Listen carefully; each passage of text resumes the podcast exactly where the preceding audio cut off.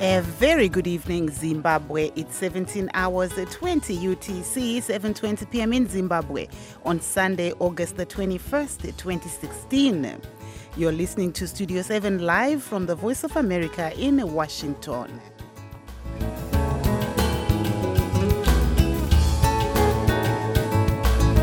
Thank you for joining us this Sunday evening live from Washington. I'm Marvelous Mhlanga Nyahuye. Amongst our top stories this evening, the National Electoral Reform Agenda, NERA, which, as I speak to you now, has been signed up by up to 20 or so political parties, is going to engage on a massive demonstration in the capital city of Harare on Friday, the 26th of August. MDCT spokesman Obert Gutu says a sizable number of opposition parties under the National Election Reform Agenda or NERA have confirmed participation in a demonstration pushing for urgent electoral reforms to be held Friday in Harare. Our role as we have begun this particular movement has been number one, to cause people to rise up and speak up without fear. Number two, to be united because that is where our power is the job now become, becomes to, and I'm glad we have, you know, minds that are deeper than mine in terms of, uh, you know, study and research and uh, qualification. The job is now to start to direct this unity, to direct this energy, to direct this awakening into a result that we can all be happy with and proud of as we, uh, as we go forward. Pastor Evan Mawarire of hashtag This Flag campaign shares the vision of his movement at a panel discussion with Zimbabweans in Washington, D.C.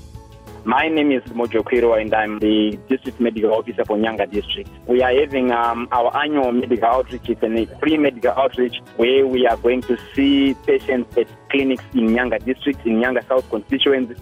Residents of Inyanga South are invited to take up free medical treatment that will be available at clinics in the district, where 15 do- doctors will offer free treatment this coming Saturday and Sunday. As usual, we give you the Youth Forum with Tatenda Gumbo. These stories and more coming up. Stay tuned.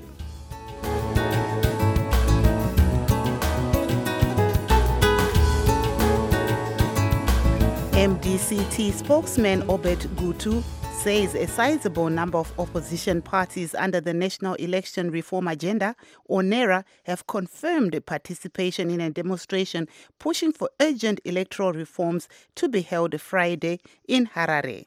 He tells Studio 7's Jonga Kandemiiri plans are now at an advanced stage and they are raring to go.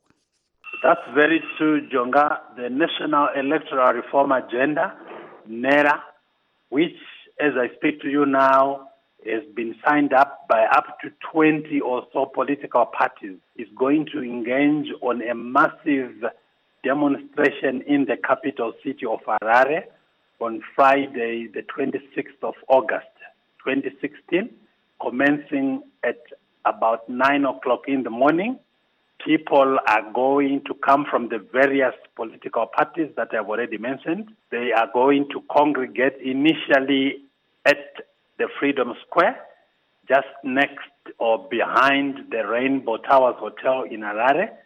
They are going to march into the city center. They are going to end their march at the Africa Unity Square, where representatives from the political parties are going to present a petition to the Speaker of the Parliament of Zimbabwe, Honorable Advocate Jacob Mudenda. What's the main purpose for this protest? The protest or the demonstration, as we would rather call it, Jonga, is merely to show the ZANU PF regime that the issue of electoral reforms is very critical to the holding of a free and a fair election that will be able to be credible and thus give a result that is beyond contestation. So the main idea is to say most, if not all, the major opposition political parties in Zimbabwe have joined hands under the NERA trajectory to say we want elections that will be free and fair. We know what happened on the 31st of July 2013 when elections were rigged and they were Nico. So we are saying never again should the people of Zimbabwe be taken for granted and be subjected to an electoral process whose result is predetermined. We have uh, witnessed the, uh, some demonstrators clashing with the police. Have you sought uh, police clearance on this? Let me confirm that police clearance has already been sought, as you know, in terms of the Public Order and Security Act. All we have to do is to notify the police about the intention to hold a peaceful demonstration as is clearly allowed by Section 59 of the Constitution of Zimbabwe. That has since been done, and uh, we are saying for now we are just waiting for the police to give us their formal approval in writing. Even if they don't, which we suspect they might not do, we are not worried one bit. We will just rush to the High Court of Zimbabwe and uh, we will then uh, make sure that we get an order an urgent order to allow us to proceed the demonstration on August 26th.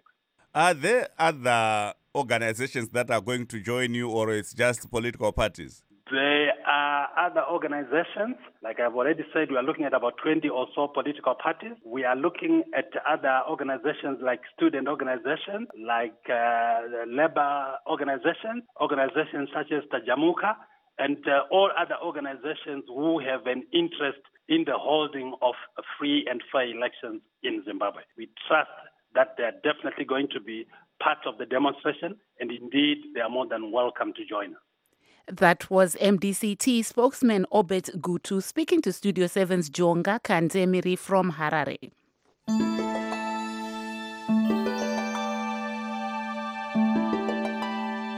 Pastor Evan Mawarire of hashtag This Flag campaign, who has been received mixed reactions from Zimbabweans on his decision to seek temporary refuge in the United States after receiving threats from President Robert Mugabe, shared his vision of the movement at a panel discussion with Zimbabweans in Washington, D.C. last week. The panel also included Dr. Chipo Dendere, a professor at a local university, and Dr. Noah Manyika of Build Zimbabwe. Mawarire tells us more on the issue. I think for a long time we have not been united. And there's a lot of things that have not united us, uh, a lot of things that have brought that dis- disjointedness to us. Uh, and some of those things center around conversations that have not been had, you know, by Zimbabweans. Uh, for example, the Gukurahundi issue, you know, in Zimbabwe, it's a conversation that needs to be had. And this movement is even bringing that out because you have people looking at each other saying, no, what, what, what, you, what do you want us to talk about when we have an issue here that hasn't been? So it's allowing these conversations to take place. Earlier in the morning at, uh, it was at Voice of America where we were, and uh, uh, one of the questions was, so what do you feel God is saying? I said, you know, I think one of the things I'm sensing is that it's a chance for us to heal ourselves. Mm-hmm. It's a chance for us to get some healing. It's a chance for us to get to a place where we can show each other the wounds that we have been hiding, the wounds that we have sustained from the brutality of our own nation, whether it is you know wounds of uh, you know the economic disaster, whether it is physical wounds of being physically beaten because you know of uh, uh, because of the repression or the wounds that you know we have amongst family because sometimes now we, our families are now are now divided that healing process is beginning to take place. And i think the moment we see someone with a zimbabwean flag something is now happening that wasn't happening before. You know before we didn't want to see the flag or when we saw it we you know we had certain feelings that were not very nice. So in a nutshell our role as we have begun this particular movement has been number one to cause people to rise up and speak up without fear. Number two to be united because that is where our power is the job now become, becomes to and i'm glad we have you know minds that are deeper than mine in terms of uh, you know study and research and uh, qualification the job is now to start to direct this unity to direct this energy to direct this awakening into a result that we can all be happy with and proud of as we uh, as we go forward. So you know that's that's my small part, and uh, you know it's it's exciting to see citizens um, you know you know, you know take part uh, in, in, in something that speaks into their future. And I think the one statement that we I continue to say now is that we can't afford anymore to be divided by the politics of our country, but we must be united by the dreams of our children because many of us have lost the opportunity to either speak into Zimbabwe or to realize the dreams that we wanted to, uh, you know, to realize. And the best incentive that we now have is that for our children, this is now for my daughter, this is now for my daughters. And because of that, I actually give it even more strength than I would have done for myself. That there was Pastor Evan Mawarire of hashtag This Flag campaign speaking at a panel discussion held in Washington, D.C.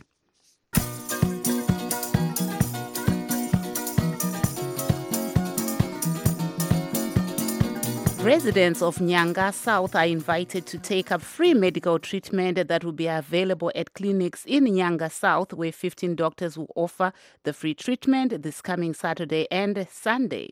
The treatment comes courtesy of their Member of Parliament, Super Mandiwanzira. The annual clinics have been running for five years and residents are urged to go to the nearest clinic for the free diagnosis and treatment. It is believed that the most common ailments in rural Nyanga include diabetes, high blood pressure, cancers, and malaria.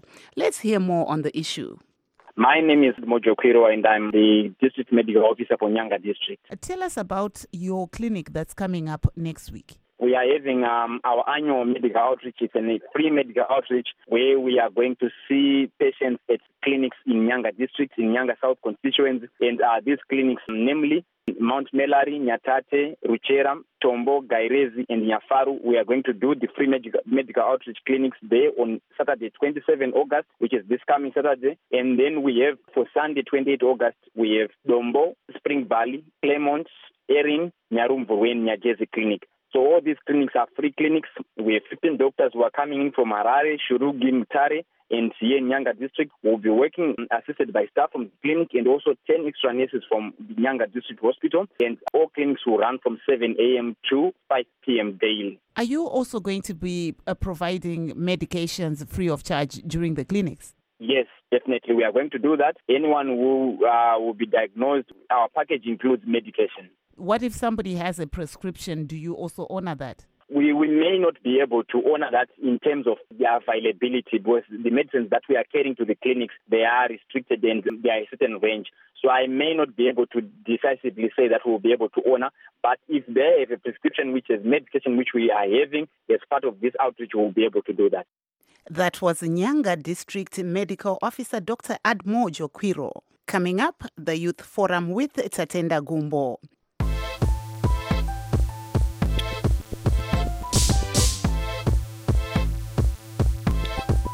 You are now listening to the Youth Forum, your forum focusing on your issues. And today I'm gladly joined by a young man I've had on the show a few times. That is Njabulo Moyo, uh, who is a author, poet, motivational speaker, uh, but currently here in the United States. Njabulo, thank you so much for joining me today. You're most welcome. Now, of course, as I mentioned, you are here in the United States. Uh, tell us more what you're doing uh, stateside. I am here as a participant of an international program called the Community Solutions Program, which is a professional development program uh, actually targeting the best and the brightest global community leaders, those that are working on the theme of transparency and accountability, tolerance and conflict resolution, environment, gender and women related issues. So basically, we are a, a group of uh, 94 young leaders from 37 countries across the world.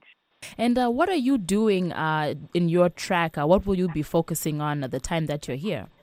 I'm under the track called uh, Transparency and Accountability, and we'll be working with the, a local organization in Chicago called Chicago Votes, which is uh, largely an election uh, based organization that seeks to encourage free and fair electoral processes and also participation of, you know, various group in the in the election process. To me, it's a very key theme um, because elections, you know, uh, the coming four years are going to be very key, not only in terms of America, uh, but also in terms of various uh, African countries, including my home country, Zimbabwe. So it is a very important shift towards, you know, democratization of uh, the election as a process. So there's a lot to do in terms of comparison. You've seen the Zambian election going through, and it's a, actually a period of really checking for transparency and accountability. And of course, you'll be here during a very interesting time in the United States, uh, the uh, 2016 presidential elections, uh, seeing Donald Trump, Republican candidate, going against Hillary Clinton, uh, the Democratic president uh, um, candidate. But the, my question is, when you talk about you know accountability, transparency in voting, what are some of the trends that you're seeing here in America most recently in, in, in Chicago, where I am, uh, there's been a challenge really of, uh, you know, automatic voter registration.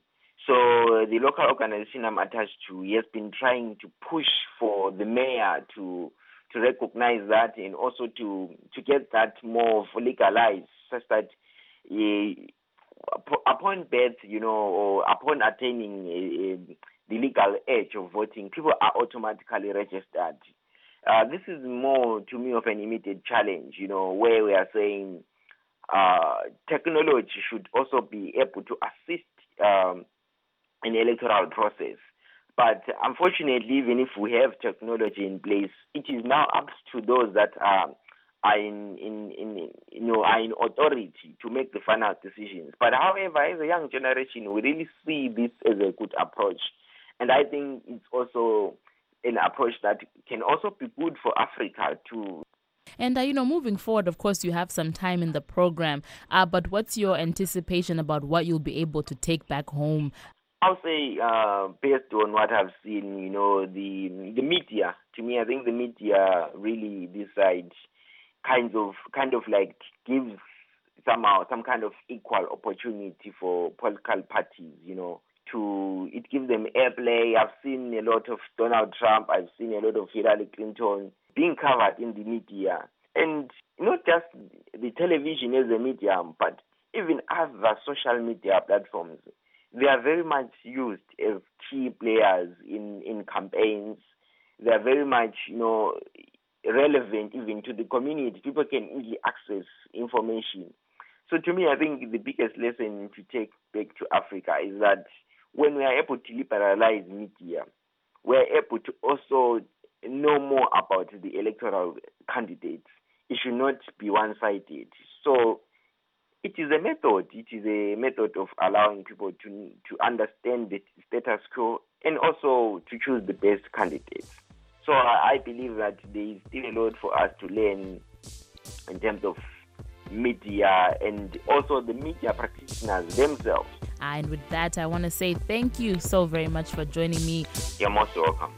That was Njabulo Moyo, an author, poet, and motivational speaker currently here in the United States on a community solutions program. This is Tatenda Gumbo saying thanks for joining me today. And as usual, make sure you join me next week.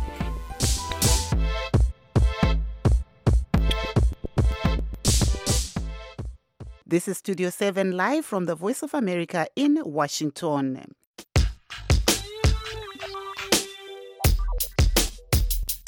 We have an important programming change announcement. Effective Monday, August 29th, 2016. Studio 7 will stop its English program. However, English News on Zimbabwe will continue to be broadcast on VOA's English to Africa programs Africa News Tonight, Monday through Friday, and Nightline Africa, Saturday and Sunday. Studio 7 will continue programming in English on Live Talk, which has been expanded to one full hour. You will also be able to get Zimbabwe news on our website and Facebook. We will continue broadcasting in Shona and Ndebele Monday through Friday, and on Saturday and Sunday, where we have expanded Shona and Ndebele programs to 30 minutes. For broadcast times and frequencies, please visit our website www.voazimbabwe.com. That's www.voazimbabwe.com. Now to recap on today's top stories. MDCT spokesman Obert Gutu says a sizable number of opposition parties under the NERA agenda program have confirmed participation in a demonstration pushing for urgent electoral reforms to be held Friday in Harare. And Pastor Evan Mawarire of hashtag This Flag campaign shares the vision of his movement at a panel discussion with Zimbabweans in Washington, D.C. Stand by for Studio 7 in Ndebele. This is Marvelous Mhlanga Nyahuye, wishing you a pleasant evening, a very good night, and a great week ahead.